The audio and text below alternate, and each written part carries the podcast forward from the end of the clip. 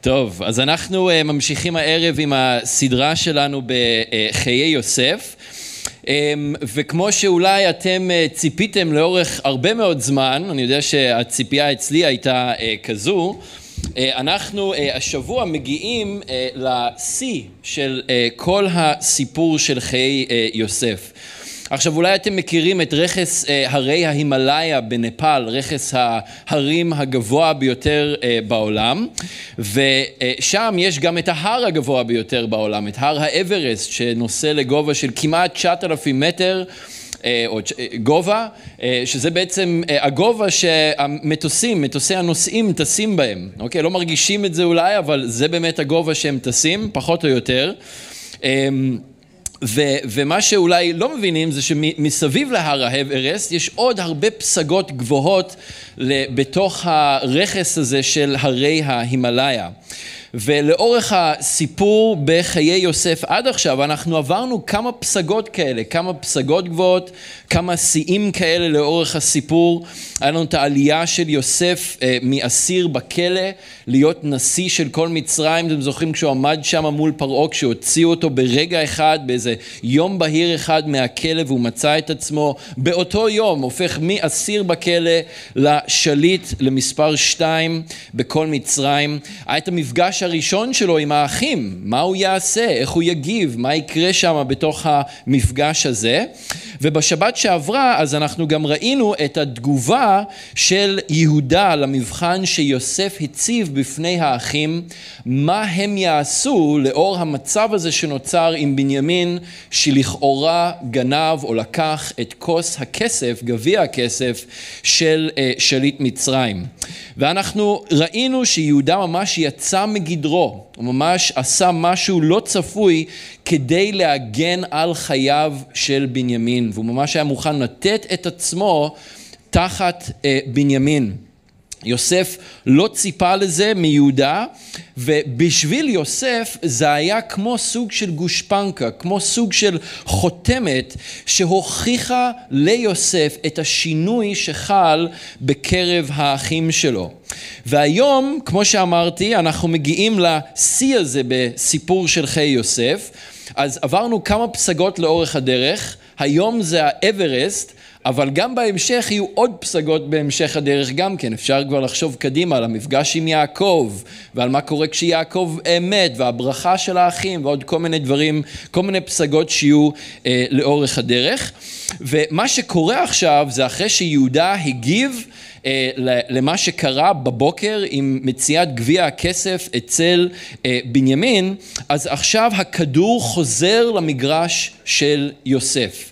כולם מסתכלים עליו, מה שליט מצרים יעשה, איך הוא יגיב למה שיהודה אה, זה הרגע אמר.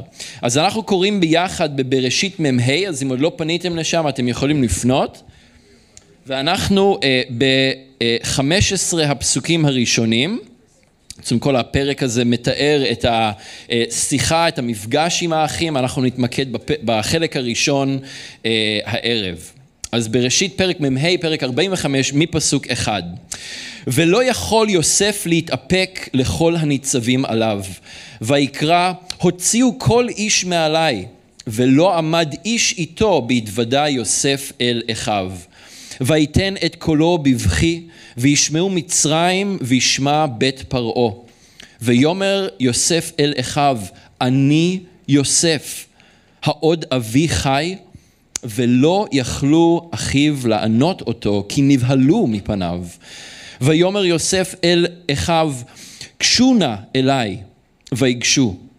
ויאמר אני יוסף אחיכם אשר מכרתם אותי מצרימה ועתה אל תעצבו ואל יחר בעיניכם כי מכרתם אותי הנה כי למחיה אשלחני אלוהים לפניכם כי זה שנתיים הרעב בארץ, בקרב הארץ ועוד חמש שנים אין חריש וקציר. וישלחני אלוהים לפניכם לשום לכם שארית בארץ ולהחיות לכם לפליטה גדולה. ועתה לא אתם שלחתם אותי הנה כי האלוהים וישימני לאב לפרעה ולאדון לכל ביתו ומושל בכל ארץ מצרים מהרו ועלו אל אבי, ואמרתם אליו, כה אמר בנך יוסף, שמני אלוהים לאדון לכל מצרים, רדה אליי, אל תעמוד. אה, וישבת בארץ גושן והיית קרוב אליי אתה ובניך ובני בניך וצונך ובקרך וכל אשר לך וכלכלתי אותך שם כי עוד חמש שנים רעב פן תברש אתה וביתך וכל אשר לך והנה עיניכם רואות ועיני אחי בנימין כי פי המדבר אליכם והגדתם להביא את כל כבודי במצרים, ואת כל אשר ראיתם מהרתם והורדתם את אבי הנה. ויפול על צווארי בנימין אחיו ויבך, ובנימין בכה על צוואריו. וינשק לכל אחיו ויבך עליהם, ואחרי כן דיברו אחיו איתו. אז אדון, אנחנו שוב פעם מודים לך על הזמן הזה, עכשיו שאנחנו יכולים לפנות אל דברך. אדון, אנחנו מודים לך על המנה, על המנה הקדושה והטובה שיש לך עבורנו הערב. אדון, ואנחנו אה, ניגשים אליך ואנחנו ניגשים אל דברך במטרה לאכול אוכל מוצק, אוכל רוחני טוב, אוכל שיכול להעשיר אותנו ולחזק אותנו ולתת לנו את כל מה שאנחנו צריכים, אדון, כדי לחיות את חיינו לפניך כאן על הארץ. אדון, אנחנו לא יכולים לעשות אה, את, את, את זה לבד, אנחנו לא יכולים ללמוד בכוחות עצמנו, אנחנו זקוקים לרוח קודשך שיהיה בקרבנו. אדון, שילמד וידריך אותנו אלי כל אמת. אז אדון, אני מתפלל שבזמן הזה אתה תדבר דרכי, אדון, ואתה תיתן לכולנו את האוזניים לשמוע את מה שאתה חפץ לומר ולדבר אלינו בערב הזה. אנחנו מקדישים ונותנים לך את הזמן בשם ישוע המשיח. אמן. אז כולנו בטח מכירים את התחושה כשיש איזשהו מצב רגשי אה, שהולך ומתעצם. אולי זה התלהבות לקראת אירוע מיוחד מסוים, אולי זה פגישה עם אדם מיוחד או, או איזה שהן נסיבות שהן יוצאות דופן, אולי לחיוב, אולי פחות לחיוב, אולי זה בגלל איזושהי דרן, אה, אה, אה, אבן דרך משמעותית בחיים, כמו סיום בית ספר, הנה השבוע אז אביגיל שלנו היא סיימה כיתה ו', זה אבן דרך, היא סיימה בית ספר אה, יסודי, אולי זה גיוס לצבא, אולי זה חתונה או לידה של ילד, אולי זה אפילו פרידה ממישהו או איזשהו סוג של אה, אובדן שמגיע. אבל מה שזה לא יהיה, מה שאנחנו מכירים שקורה באירועים כאלה, ברגעים כאלה, זה שהרגש הולך ונבנה והוא מתעצם בפנים, הוא מבעבע בתוכנו. ואז ברגע אחד, בדרך כלל בשיא של כל הדבר הזה, זה מתפרץ החוצה כמו הר געש. לפעמים זה בכי, לפעמים זה צחוק, אולי זה כעס, אולי זה איזה תחושה או רגש אחר, אבל זה משתחרר החוצה. אני זוכר את ה... אני חושב אולי הכי משמעותי בשבילי בחיים היה הלידה של הילדים שלנו, שזה משהו שהולך ונבנה במשך אה, תשעה חודשים כשהתינוק או התינוק גדל ברחם, ואז כל האינטנסיביות של הלידה וכל אה, הורה כאן מכיר, כן, במיוחד אנשים. גם הגברים, אני מקווה אם הייתם בחדר לידה אז אתם גם מכירים את האינטנסיביות אה, ואז ברגע אחד יש את השחרור הזה, התינוק יוצא לאוויר העולם ומחזיקים אותו בידיים ורואים את החיים החדשים האלה שכל כך חיכינו לפגוש והכל מתפרץ החוצה אה, ברגע, אני לא יודע מה איתכם, אני כל הלידות האלה ממש בכיתי, חבל על הזמן אחרי, אחרי הלידות בגלל שזה משהו כל כך כל כך מרגש. וכאן עם אה, יוסף בערב קודם לבוקר אה, הזה שכל זה קורה, יוסף עוד הצליח להתאפק חלקית. כשהוא ראה את בנימין אחרי 22 שנים שהוא לא ראה אותו, הוא יצא החוצה כדי לבכות, אז הוא התאפק חלקית, הוא לא יכל לא לבכות לגמרי, אבל הוא לא נתן לדברים להשתחרר שם, הוא יצא החוצה, הוא בכה, הוא התאפס על עצמו, הוא חזר אה, חזרה לחדר, בגלל שזה עוד לא היה הזמן לאפשר להכל להתפרץ החוצה בצורה אה, כזו. אבל עכשיו, אחרי אה, שהוא ראה את התגובה של אה, יהודה, ואחרי שהוא שמע את מה שיהודה אמר, ואיך שהוא היה מוכן לתת את עצמו בשביל אה, בנימין, אז הוא כבר לא יכול להחזיק את כל מה שמבעבע בתוכו בפנים. הוא פשוט לא יכול להחזיק את זה פנימה יותר, אה, וכמו הר געש, הכל מתפוצץ החוצה ברגע אחד. חוסר התאפקות, זעקות, צעקות, בכי, בהלה ותדהמה, נשיקות, חיבוקים מאוד מאוד גדולים ועמוקים. אלה המילים שמתארות את המפגש הזה, את הרגע הזה בחיים של יוסף ובחיים של האחים שלו. ולמרות שזה התיאור שמשה כתב בהשראת רוח הקודש, אלה המילים שנכתבו, כמובן שאנחנו לא יכולים לתפוס לחלוטין את מימדי הרגש ומימדי התעצומות שהלכו באותו חדר באותו בוקר. אבל בפסוק אחד כתוב לנו ולא יכול יוסף להתאפק לכל הניצבים עליו. כמו שאמרתי במפגשים הקודמים הוא כן הצליח להתאפק. בערב הקודם הוא הצליח להתאפק באופן חלקי אבל עכשיו כבר לא. יהודה מסיים להגיד את מה שיש לו לומר בתגובה למה ששליט מצרים אומר לו בעניין גביע הכסף וכל העיניים עכשיו מסתכלות על יוסף, כל העיניים מסתכלות על שליט מצרים, איך הוא יגיב, מה הוא יעשה.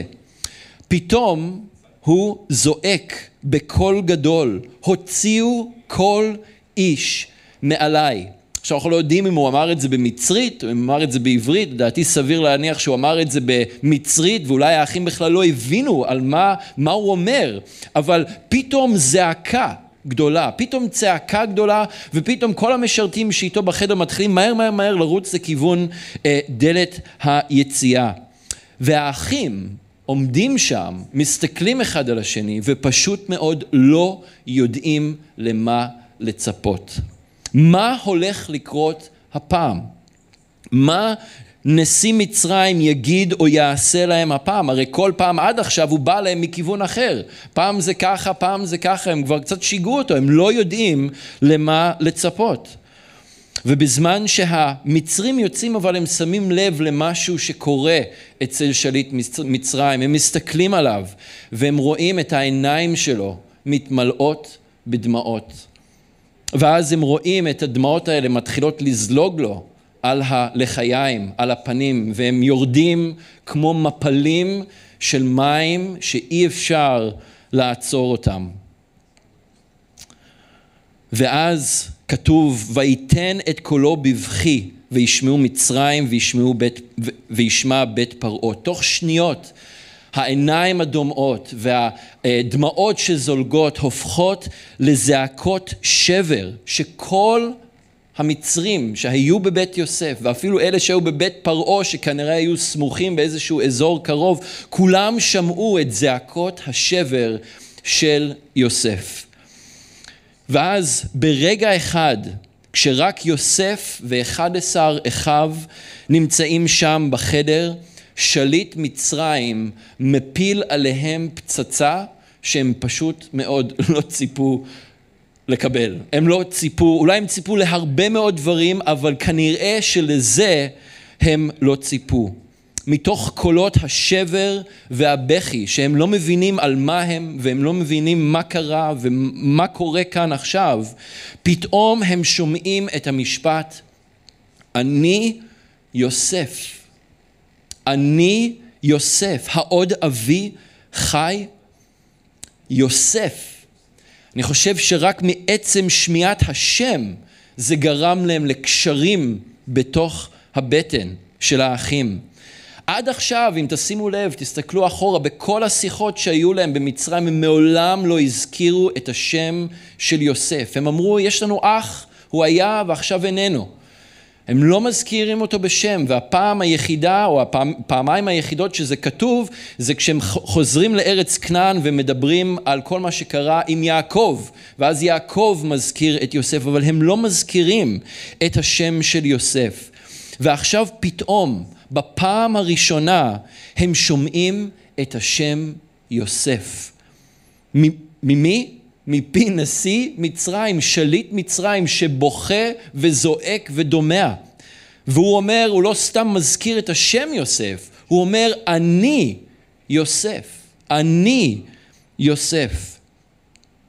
האחים, אנחנו קוראים, היו כל כך המומים שהם לא יכלו להגיב או לענות. הפיות שלהם נשמטו לרצפה. הם, הם, אתם, אני לא יודע אם אתם מכירים רגעים כאלה, אם הייתם באיזה רגע כזה שפתאום מישהו זורק לכם איזה פיסת מידע או אומר לכם משהו שהוא הוא, הוא תדהם, תדהמתי, לוקח כמה שניות כדי לעכל ולהבין מה הרגע אמרו לי, זה, זה באמת מה ששמעתי זה מה שהתכוון, או שאולי לא שמעתי טוב, אולי שמעתי משהו אחר. הם היו כל כך המומים, הם לא יכלו להגיב או לענות, הם היו בשוק ובתדהמה מוחלטים, כמו שאנחנו רואים ב, אה, בסוף פסוק שלוש. מיליון מחשבות בטח עברו להם בראש באותו רגע. הם פתאום נזכרים, החלומות של יוסף, היום שמכרו אותו למצרים, רגע, אבל מכרנו אותו והוא לא אמור להיות בחיים יותר. כל האירועים שקרו במצרים בפעמיים האחרונות שהם ביקרו שם, השליט ואיך הוא התעמר בהם ובחן אותם וניסה אותם וגביע הכסף והעסקים של הכסף באמתחות שלהם, פתאום כל המחשבות האלה עוברים להם בתוך הראש. ואולי יותר מכל דבר אחר הם התמלאו שוב פעם בפחד משתק. זה יוסף? אם זה יוסף, האם הוא יתנקם בהם?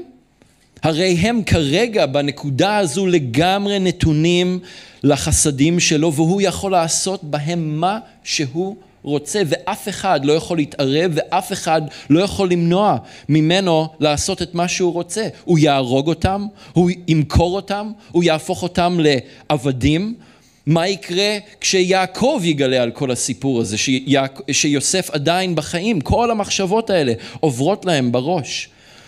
אבל אז יוסף כנראה קולט את זה, שהם בשוק, והם לא יכולים לענות לו. אז הוא ממשיך.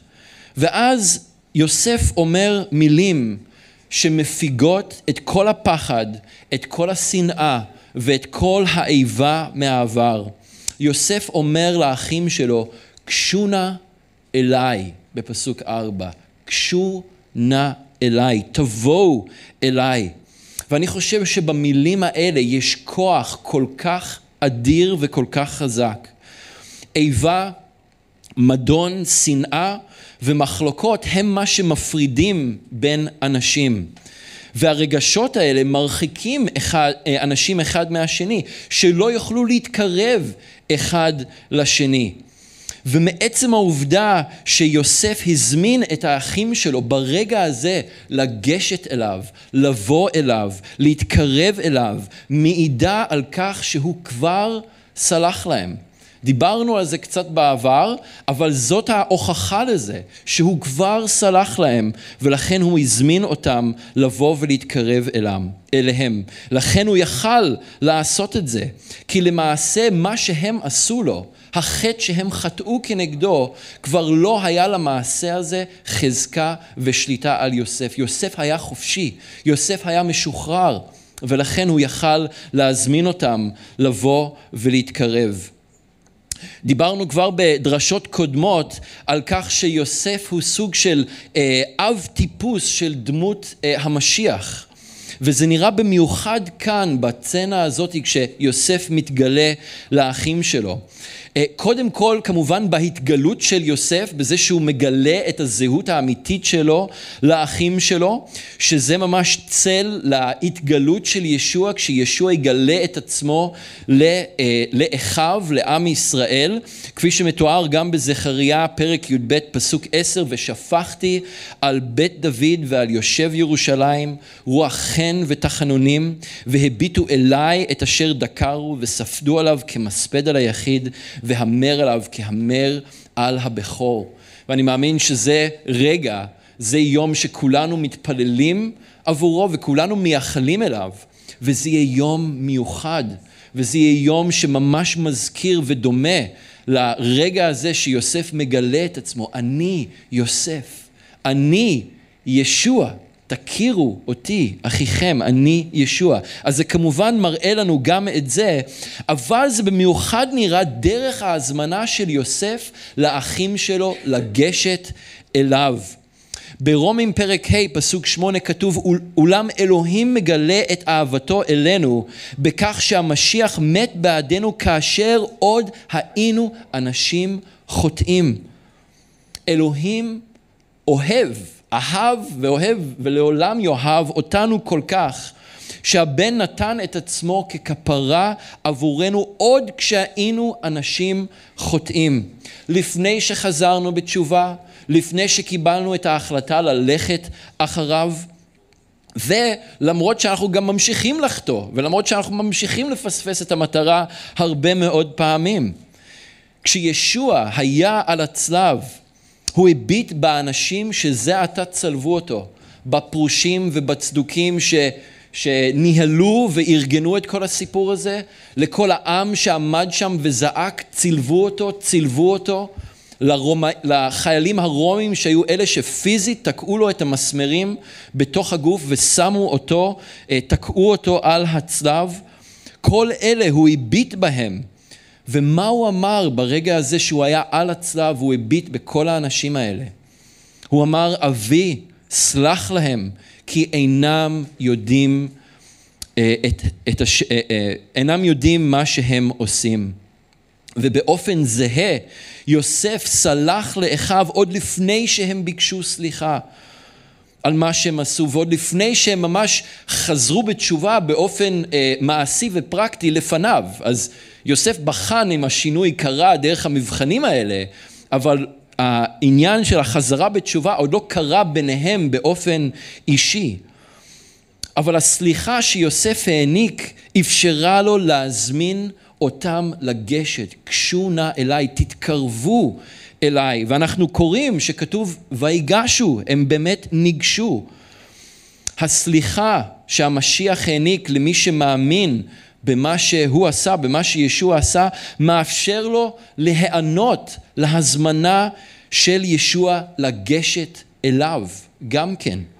נתקרבה נא, ניגש, אה, בלבב שלו ובמלוא ודאות האמונה כשליבותינו מטוהרים מהרשעת מצפון והגוף רחוץ במים טהורים, כמו שכתוב באל העברים אה, פרק י' פסוק 22. כלומר, יוסף מראה את מה שהמשיח עתיד לעשות. מה שהוא עשה בעבר מבחינתנו, אבל כאן בנקודת זמן הזו, מה שהמשיח עתיד לעשות. הוא כבר סלח.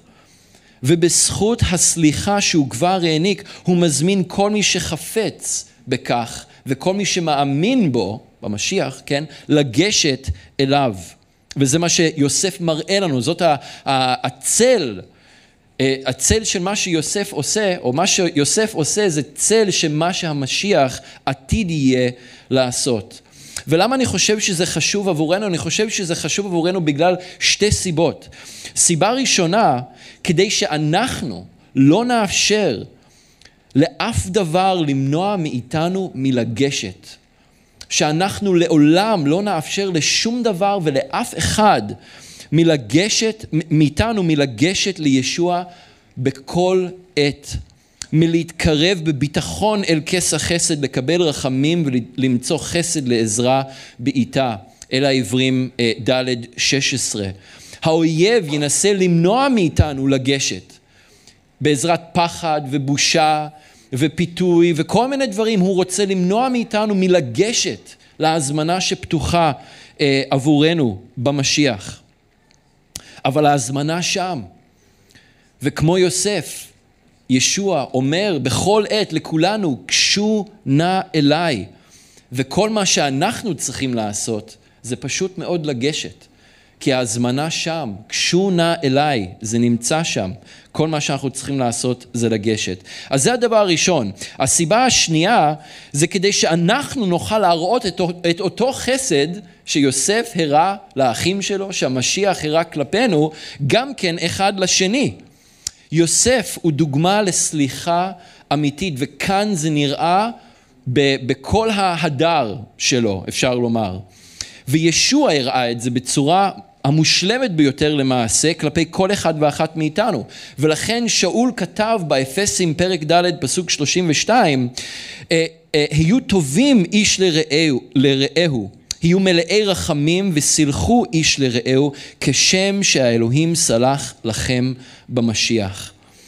אם אנחנו נסלח אחד לשני באמת, אז אנחנו גם נוכל לאפשר אחד לשני לגשת אלינו. ההזמנה תוכל להיות שם, קשונה אליי, כדי לבנות את מה שנפגע, כדי לבנות את מה שנהרס. וזה מה שיוסף עושה כאן ברגע הזה.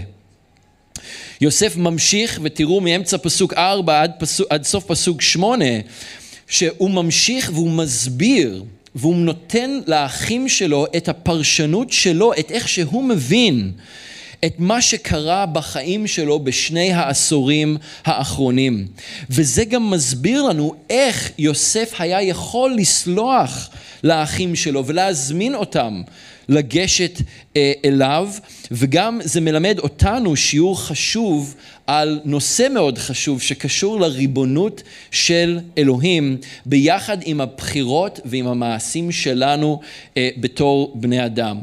קודם כל תראו שיוסף כשהוא מספר להם ונותן להם את הפרשנות שלו של מה שקרה, הוא לא פוסח והוא לא מעלים את מה שהאחים שלו עשו, הוא לא מנסה לטאטא את זה מתחת לשטיח. פעמיים הוא מזכיר את המעשה שלהם, בפסוק 4 הוא אומר אשר מכרתם אותי מצרימה, ואז עוד פעם בפסוק 5 הוא שוב אומר כי מכרתם אותי הנה. בצורה הכי ברורה שיש, אתם מכרתם אותי. כנראה שהוא, אני לא יודע אם הוא ידע, אם הם רצו אה, להרוג אותו, לרצוח אותו או לא, אבל הוא ידע, אתם מכרתם אותי, והוא אומר להם את זה. האחים של יוסף עשו מעשה נוראי. הם מכרו את אחיהם הקטן לעבדות במצרים. וזה היה במקום לרצוח אותו בדם קר, כמו שהם התכוונו לעשות מלכתחילה.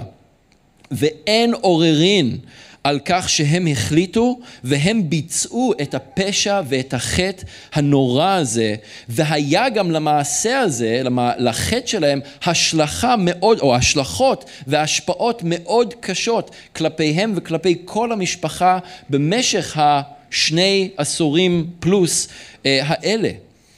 אבל יוסף גם מוסיף והוא אומר לאחים שלו ועתה אל תעצבו ואל יחר בעיניכם בפסוק חמש. הוא אומר אל תהיו עצובים ואל תכעסו על מה שאתם עשיתם. עכשיו אני לא חושב שצריך להבין מזה שהאחים לא היו צריכים להתחרט על מה שהם עשו, או הם לא היו צריכים להבין שמה שהם עשו היה לא נכון, אני חושב שהם כנראה הבינו את זה, זה, זה די ברור, אבל הוא לא אומר שהם לא צריכים להתחרט על החטא שהם עשו, אבל מה שיוסף מנסה לעשות, הוא מנסה למקד אותם לא במעשה שהם עשו, אלא הוא מנסה למקד אותם בתמונה הגדולה, מבלי להתעלם ממה שקרה ומבלי לבטל את מה שהם עשו. יוסף שם את הדגש, תשימו לב בפסוקים האלה, דווקא על ההשגחה העליונה ועל הריבונות של אלוהים, ועל כך, על, על העובדה שמעל הכל, ביחד עם ולמרות שהאחים שלו מכרו אותו למצרים וחטאו כנגדו חטא גדול ואכזרי מאוד, היה לאלוהים תוכנית בתוך כל העניין הזה. אתם מכרתם, אלוהים שלח. זה בעצם התמצית של מה שיוסף אומר. אתם מכרתם, אתם החלטתם, אתם עשיתם מעשה נורא, אבל אלוהים שלח אותי הנה. ארבע פעמים יוסף מדגיש שידו המכוונת של אלוהים הייתה בכל מה שקרה ב-22 שנים האחרונות. בפסוק חמש, שלחני אלוהים לפניכם. בפסוק שבע, וישלחני אלוהים לפניכם. בפסוק שמונה, לא אתם שלחתם אותי הנה, כי האלוהים. וישימני האלוהים, אלוהים הוא זה ששם אותי לאב לפרעה ולאדון לכל ביתו ומושל בכל ארץ מצרים. עכשיו הנושא הזה של הריבונות של אלוהים מול הבחירה החופשית של האדם הוא נושא שהמאמינים בישוע מדברים עליו כבר אלפי שנים, מאות ואלפי שנים, ומנסים ליישב את שתי האמיתות האלה, איך הדברים האלה פועלים ביחד, איך הריבונות של אלוהים פועלת ביחד עם חופש הבחירה שלנו בתור בני אדם. ואני חושב שדווקא כאן דבריו של יוסף מראים בצורה יפה איך הריבונות של אלוהים פועלת ביחד עם חופש הבחירה וחופש ההחלטה של uh, האדם. קודם כל תראו שבדברים שיוסף אומר אי אפשר לומר בשום צורה שאלוהים גרם או החליט uh, עבור האחים שהם ימכרו אותו למצרים. הוא אומר אתם מכרתם אותי למצרים. אלוהים לא גרם להם או לא הכריח, ולא הכריח אותם לקנא ביוסף ואז בסופו של דבר לשנוא אותו, מה שהוביל אותם למכור אותו אה, למצרים. אלא היו החלטות ובחירות שהם עשו, שהאחים עשו, מחופש הבחירה שלהם בתור בני אדם. ולכן האחריות אה, והאחריות להשלכות של המעשים האלה יושבת לגמרי על הכתפיים של האחים. אי אפשר לבוא אה, ולגלגל את האחריות על המעשים שלהם לפתחו של אלוהים, בגלל שאלוהים אה, ריבון והיה לו תוכנית, ובכך להצדיק או לזכות את האחים אה, בכל דרך. אבל יחד עם זאת, אלוהים בריבונות המופלאה שלו, כזה שהוא מחוץ לזמן שלנו כאן על כדור הארץ, למימד הזמן, בתור זה שהוא כל יודע והוא כל יכול, יודע אחרית מראשית, הוא יודע לנתב, וזה מה שהוא עושה, הוא מנתב את כל הדברים כדי שהרצון והתוכנית שלו יצאו לפועל. שאול כתב, אני חושב ממש את זה, גם כן לרומים בפרק ח' פסוק 28, כשהוא מעודד את הרומים ואומר להם, אנו יודעים כי אלוהים גורם לכך. תשימו לב על, ה, על, ה, על המעורבות של אלוהים בכל העניין הזה. אלוהים גורם לכך שכל הדברים חוברים יחד לטובת אוהביו הקרואים על פי תוכניתו. אז אלוהים יודע גם לקחת את ההחלטות השגויות שלנו, את המעידות שלנו, את הדברים שנעשים לנו מבחוץ שלנו אין עליהם בכלל שליטה. הוא יודע לקחת את כל הדברים האלה ולגרום לכך שהם יחברו יחד לטובה אם אנחנו אכן הולכים אחריו, אם אנחנו אכן אה, התלמידים אה, שלו. חשוב עוד פעם רק לומר שזה בשום פנים ואופן לא מצדיק חטא ולא מצדיק כל התנהגות שהיא נוגדת את דבר אלוהים בכל צורה. אי אפשר לבוא ולהגיד, טוב, אלוהים ריבון והוא יגרום לכך שכל הדברים יחברו יחד לטובה, אז אני פשוט יכול לעשות אה, מה שבא לי. ברור שזה לא מה שזה אה, אומר. אבל אני חושב שהסיפור של יוסף ממחיש את דבריו של שאול בצורה כל כך אה, ברורה. למרות שהחטא שהאחים שלו עשו כנגדו, יוסף בחר להסתכל על כל מה שקרה מהפרספקטיבה הזו, כמו ששאול כתב, אתם מכרתם, אבל אלוהים שלח, ואלוהים גורם לכך שכל הדברים חוברים יחד לטובת אוהביו. תראו, יוסף יכל לבחור אחרת. הוא יכל לבחור לראות את הדברים אחרת, והוא בטח שיכל לבחור לנהוג אחרת. הוא יכל לכעוס, הוא יכל להתמרמר, הוא יכל, יכל לנטור, והוא יכל לנקום. הוא היה בעמדה, כמו שאמרנו, שהוא היה יכול לעשות לאחים מה שהוא רוצה ברגע הזה. וכמובן גם כן לפני כן. אבל הוא בחר ואנחנו רואים את זה דרך איך שהוא מסביר את הדברים. הוא בחר לראות איך שאלוהים השתמש בכל מה שקרה, גם בהחלטות השגויות של האחים ובחטא שהם חטאו כנגדו, כדי להביא לחיים וכדי להביא לטוב, לחבור את הדברים יחד לטובה. רואים את זה בפסוק חמש שהוא כותב שזה למחיה שהוא שלח אותו למצרים וגם בפסוק שבע לשום לכם שארית בארץ ולהחיות לכם לפליטה. הוא אומר זה היה משהו שחבר יחד לטובה. עכשיו יוסף היה צריך להזכיר את הדברים האלה עוד פעם לאחים שלו אה, בסוף, אחרי שיעקב מת, אנחנו נראה את זה בפרק אה, חמישים כי האחים כנראה אולי לא האמינו לו עד הסוף, וכשיעקב מת, הם פתאום עוד פעם חוששים ועוד פעם מפחדים, שבמהלך כל השנים האלה, אז יוסף נמנע מלהתנקם בהם רק בגלל יעקב, לא להעמיס עליו עוד צער ועוד יגון, שיראה את הבנים שלו רבים ביניהם, אז הם עוד פעם באים ליוסף ונופלים לפניו ומתחילים להגיד לו, בבקשה אל תתנקם בנו, אל תהרוג אותנו, ש... עוד פעם רק מעיד על מה שיושב שם אצלם בפנים, הם עדיין מפחדים גם אה, הרבה שנים אחרי שהאירוע הזה קורה, אבל יוסף חוזר בדיוק על אותם הדברים עוד פעם. תראו בפרק 50 פסוק 20 ואתם חשבתם עליי רעה. אלוהים חשבה לטובה. למה? למען עשה כיום הזה להחיות עם רב. זה אותו עיקרון, זה אותו עניין, רק במלל אחר. אתם עשיתם משהו רע, אתם עשיתם משהו לא טוב, הכוונות שלכם היו לא טובות, אתם מכרתם, אתם חטאתם, אבל אלוהים שלח. אלוהים גרם לכך שהדברים יחברו יחד לטובה כדי להחיות עם רב. וזה שיעור כל כך חשוב עבור אה, כולנו. קודם כל לדעת שהריבונות של אלוהים לא פוטרת אותנו מאחריות ומהשלכות לבחירות ולמעשים שלנו. יש השלכות לבחירות ולמעשים שלנו והריבונות של אלוהים, זה שהוא בסוף כן יגרום לדברים לחבור יחד לטובה, לא פוטרת אותנו מהשלכות ביניים שיהיו. עכשיו כמובן שהיה יותר קל לכולנו וכנראה גם לאלוהים אם אנחנו היינו דורשים אותו, דורשים את רצון אלוהים ומקבלים החלטות נכונות מראש. אבל אנחנו לא תמיד שולטים על הנסיבות של חיינו, הרבה פעמים זה דברים שאנחנו חווים ועוברים שהם בכלל חיצוניים לנו, הם לא קשורים אלינו ולהחלטות שלנו. אבל בריבונות המופלאה של אלוהים הוא יודע להכווין והוא יודע לנתב את העולם ואת החיים של כל אחד ואחת מאיתנו, מכם. אמ, יחד עם כל השטויות וכל הבלגן שאנחנו עושים הרבה פעמים, כל הדברים שאנחנו חווים ועוברים שהם לא קשורים אלינו, הוא אה, יודע לכוון ולחבור את הכל יחד לטובה. אנחנו גם רואים את זה לאורך הכתובים. ראינו את זה עם אברהם ועם הגר.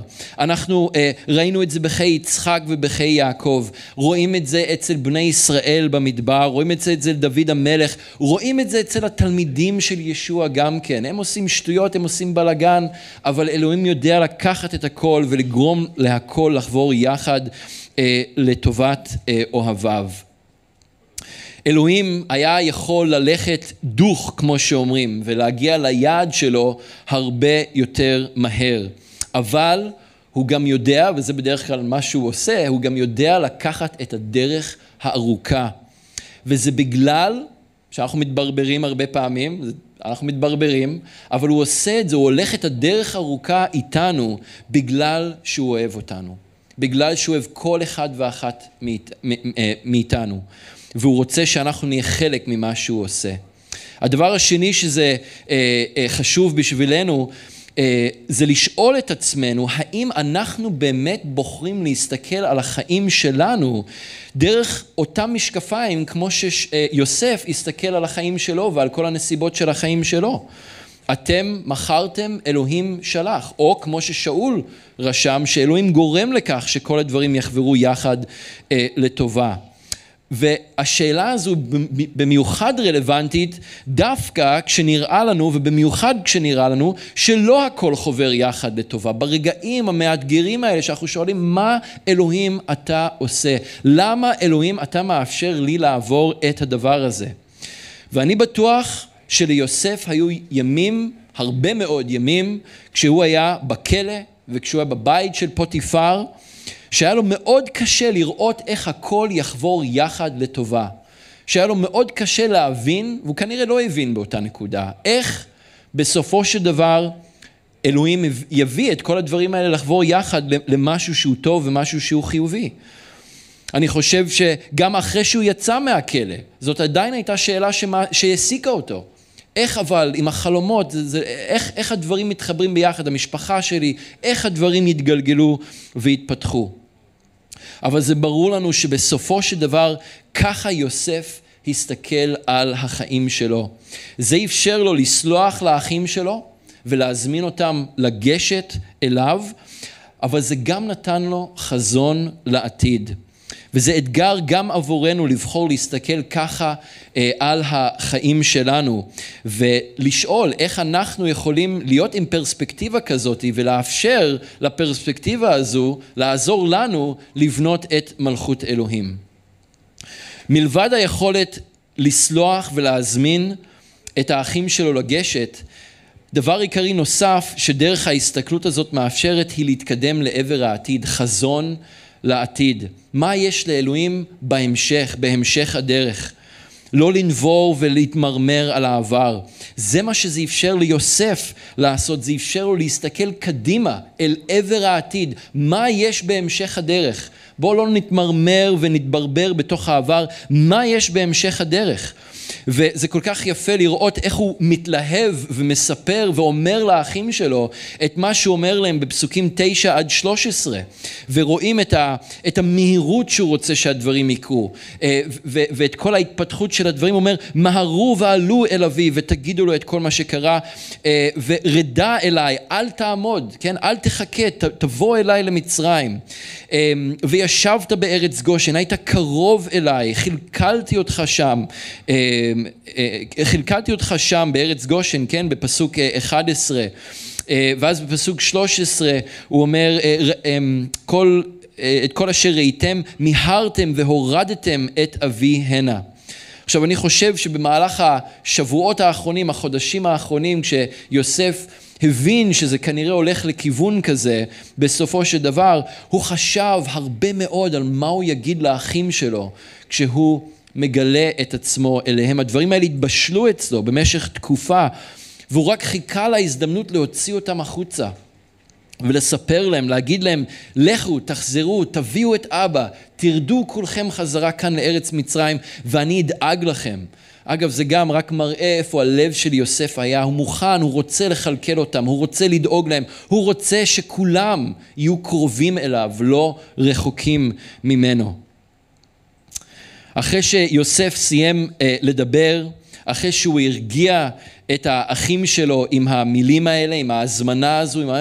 לך, לכו, תביאו, תבואו, תהיו קרובים אליי.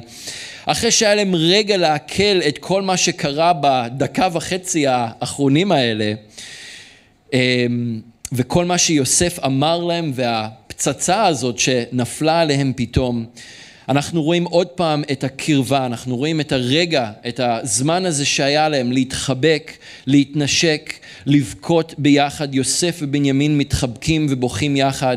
יוסף בוכה ומנשק את כל עשרת האחים האחרים והם מדברים איתו.